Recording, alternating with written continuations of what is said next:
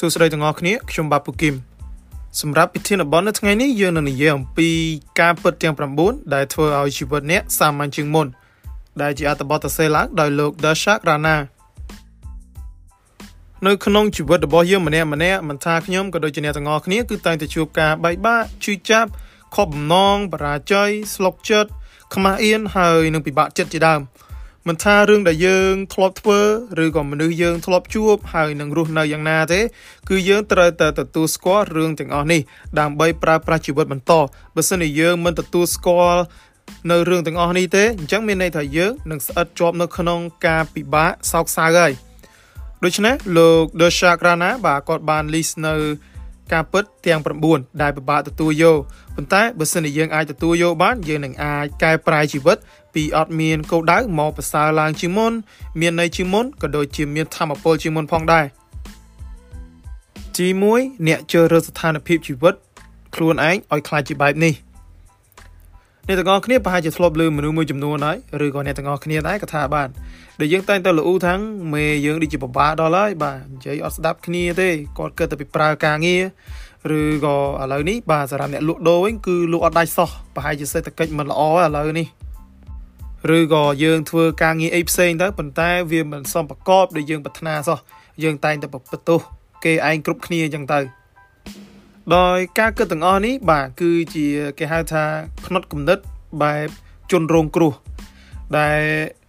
ផ្នត់គំនិតបែបនេះនឹងធ្វើឲ្យយើងមានអារម្មណ៍ថាខ្លួនឯងគ្មានធម៌ពលងាយឈឺចាប់ក៏ដូចជាគិតច្រើនផងដែរប៉ុន្តែបើសិនជាយើងចង់មានធម៌ពលឡើងវិញយើងត្រូវតែដឹងថា ជីវិតនឹងសាមញ្ញជាងមុនបើសិនជាយើងអាចផ្លាស់ប្ដូរបាទការឆ្លើយតបទៅនឹងកំណត់នេះបានដោយជំនួសឲ្យការបន្ទោសលើអ្នកដទៃបន្ទោសគ្រប់គ្នា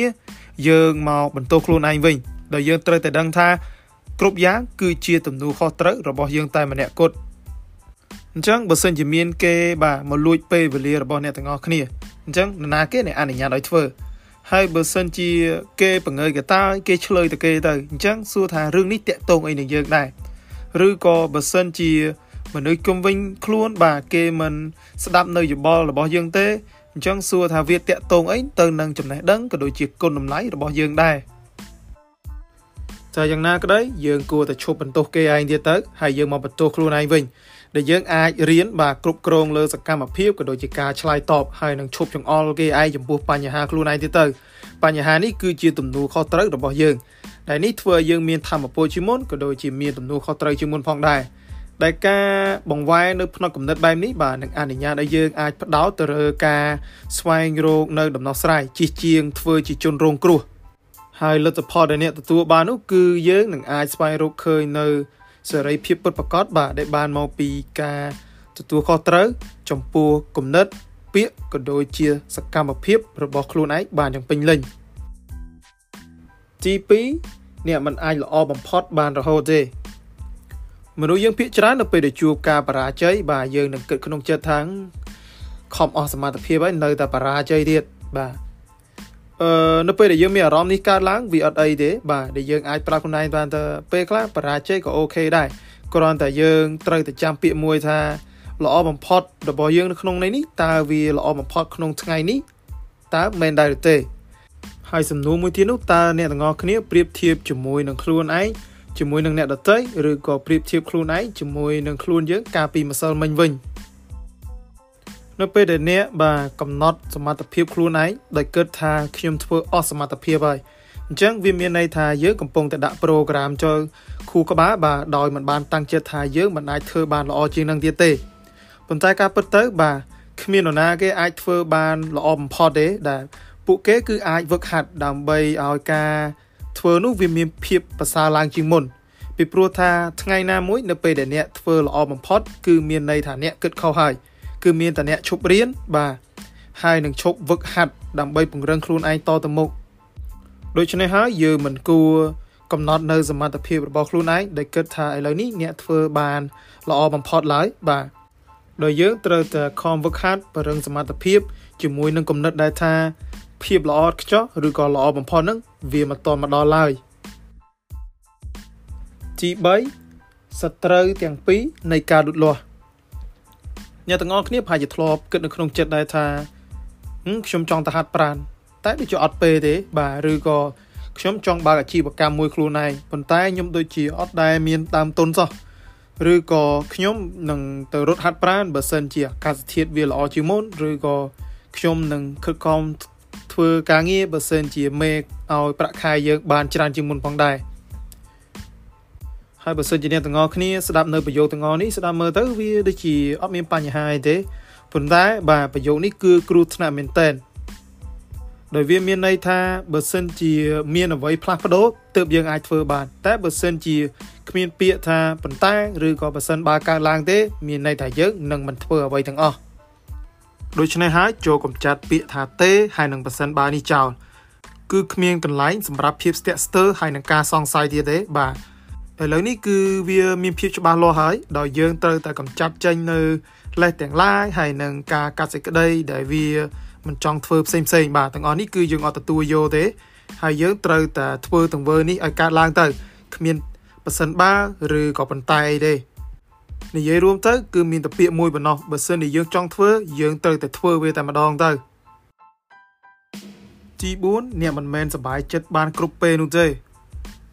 អ្នកទាំងអស់គ្នាប្រហែលជាចង់បានជីវិតមួយ បាទដែលគ្មានបញ្ហាចង់តែសប្បាយចិត្តរហូតប៉ុន្តែយ៉ាងណាមិញបាទរឿងនេះគឺគ្រាន់តែជារឿងចង់បានទេវាអត់មានកើតឡើងឡើយដែលជីវិតមនុស្សយើង បាទគឺតែងតែជួបការសប្បាយមែនប៉ុន្តែក៏នៅតែជួបបញ្ហាដែរ ដែលចំណុចសំខាន់នោះទោះបីជាអ្នកមិនចូលចិត្តបញ្ហាក៏ដោយឥឡូវនេះបញ្ហាវាបានមកដល់ហើយអ្វីដែលយើងអាចធ្វើបាននោះគឺតើយើងគួរតែចាត់ចែងជាមួយវាយ៉ាងម៉េចដែរដោយពេលខ្លះបាទយើងយកការតិទៀនទាំងអស់ហ្នឹងបាទយកទៅធ្វើជាកម្លាំងចិត្តទៅហើយពេលខ្លះទៀតយើងអាចមើលឃើញបញ្ហាទាំងឡាយហ្នឹងគឺជាឱកាសដែលយើងត្រូវតែមានអារម្មណ៍ថាវាអូខេបាទ it's okay to be not okay ហើយម្យ៉ាងវិញទៀតទោះបីជាយើងដួលក្តីពេលខ្លះទៀតក៏យើងមិនអាចគិតវាបានដែរតែយ៉ាងណាក្តីចូលកុំឲ្យបញ្ហាទាំងអស់នោះធ្វើឲ្យអ្នក stress រហូតដល់មិនអាចប្រើប្រាស់ជីវិតបានដោយមនុស្សយើងគ្រប់គ្នាត្រូវតែទទួលស្គាល់ថាពួកយើងមិនមែនចេះតែសប្បាយចិត្តគ្រប់ពេលទេជីវិតរបស់មនុស្សយើងគឺវាមានឡើងមានចុះវាដូចជាច្បាប់ធម្មជាតិហើយអញ្ចឹងបាទការជួបនៅអារម្មណ៍ផ្សេងផ្សេងដូចជាសប្បាយចិត្ត ខឹងបាទសោកសប្បាយសោកសៅអីផ្សេងផ្សេងហ្នឹងវាគ្រាន់តែជាផ្នែកមួយរបស់មនុស្សតែប៉ុណ្ណឹងឯងអញ្ចឹងហើយអារម្មណ៍ទៅនេះនឹងដើរតួនាទីសំខាន់សម្រាប់រំលឹកយើងថាអ្វីទៅដែលសំខាន់សម្រាប់យើងពិតប្រាកដដើម្បីធ្វើឲ្យយើងមានទឹកចិត្តនៅក្នុងការធ្វើអ្វីមួយឲ្យមានភាពផ្លាស់ប្ដូរនៅក្នុងជីវិត អញ្ចឹងជំនួសឲ្យការរកតែក្តីសុខគ្រប់ពេលហ្នឹងយើងមករកនៅអ្វីបាទបំពេញចិត្តយើងវិញដូចជាផ្ដោតទៅលើការធ្វើអ្វីមួយជាបន្តបន្ទាប់ស្វែងរកអត្តន័យក៏ដូចជាគោលដៅនៃជីវិតក៏ដូចជាពេញចិត្តនឹងបច្ចុប្បន្នបើសិនជាមានរឿងអ្វីចូលមករកយើងទី5ការបរាជ័យជាទម្រង់មួយនៃការរំពឹងទុក នៅពេលដែលយើងបានកំណត់គោលដៅលើខ្លួនឯងមិនថាជាសុខភាពលុយកាក់មាសប្រាក់ពេលវេលាឬក៏ការងារអីផ្សេងទេមានន័យថាយើងបានធ្វើការរំពឹងទុកមួយនៃការជោគជ័យនោះបាត់ទៅហើយប៉ុន្តែបើសិនជាយើងមិនអាចធ្វើវាបានឬក៏យើងបរាជ័យអញ្ចឹងមានន័យថាយើងនឹងមិនអាចទៅដល់ការរំពឹងទុកដែលយើងប្រាថ្នាចង់បានវាទេហើយវាក៏ធ្វើឲ្យយើងមានការពិបាកនៅក្នុងការទទួលយកការបរាជ័យនោះផងដែរ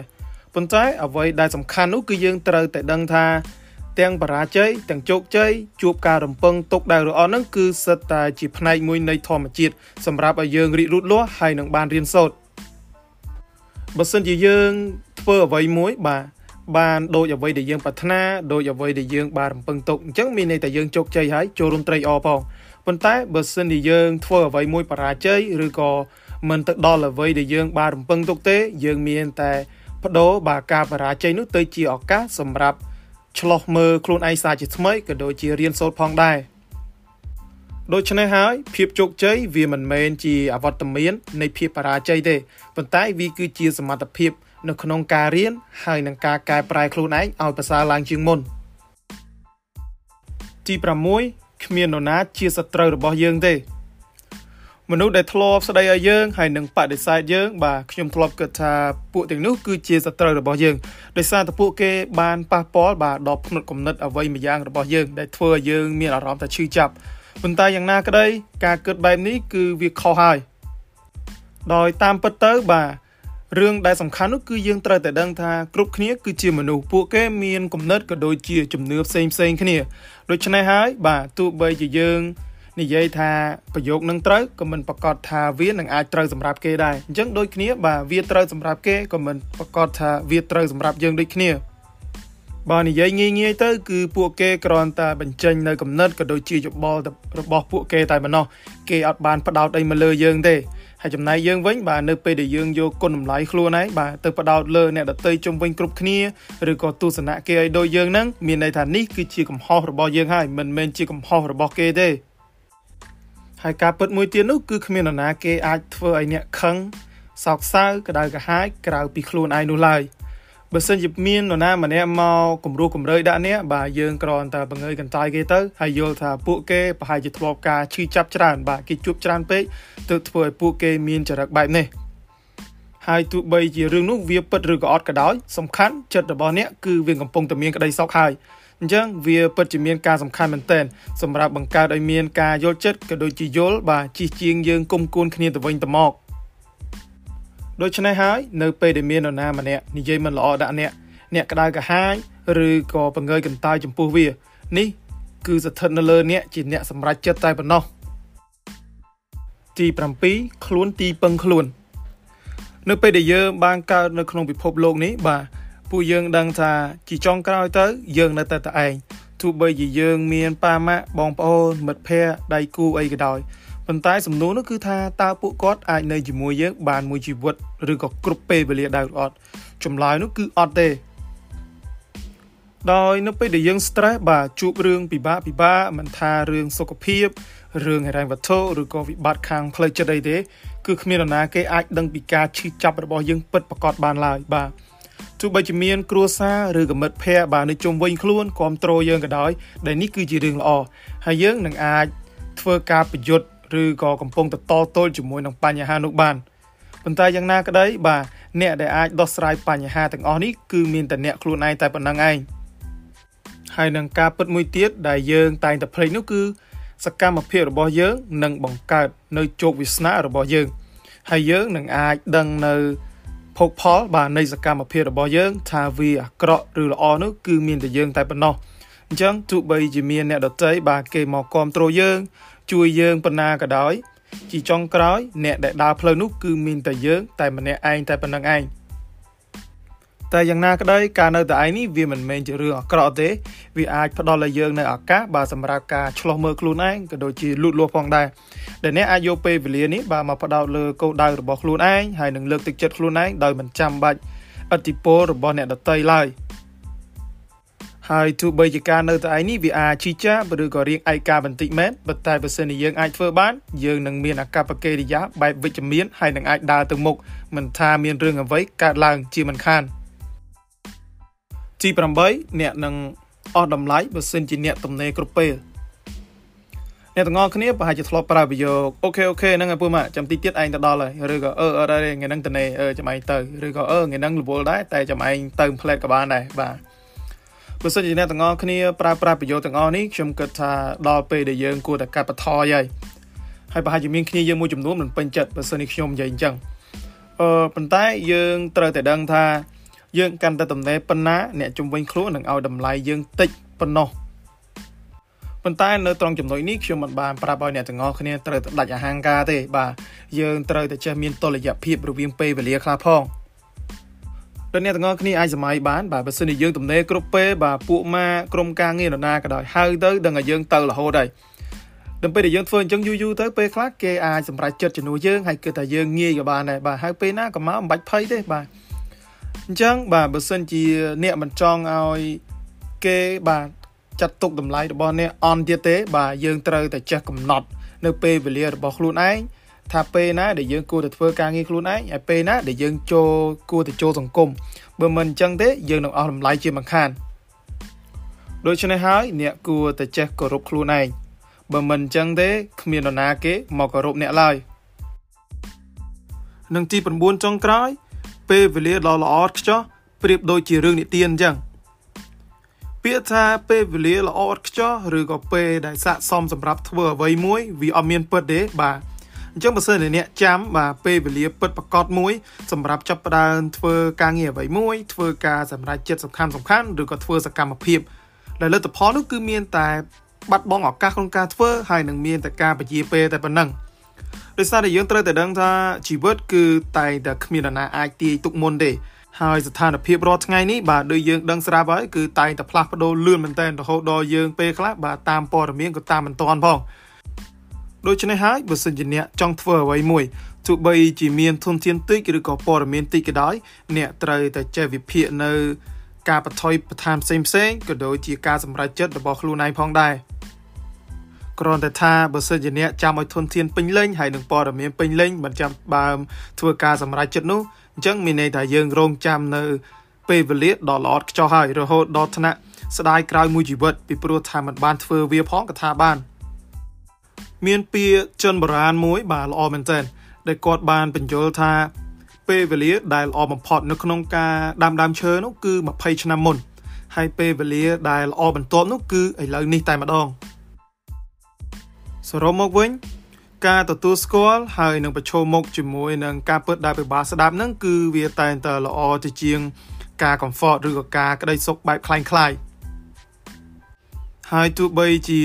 ទទួលស្គាល់ការពិតដែលពិបាកស្ដាប់នេះវាអាចឈឺចាប់បន្តិចមែនប៉ុន្តែវាអនុញ្ញាតឲ្យយើងប្រឈមមុខទៅនឹងបញ្ហាពិតក៏ដូចជាអាចធ្វើឲ្យយើងលូតលាស់ធំធាត់ជាងមុនហើយនឹងអាចផ្លាស់ប្ដូរទៅរកចរិតបែបវិជ្ជមានជាងមុនផងដែរ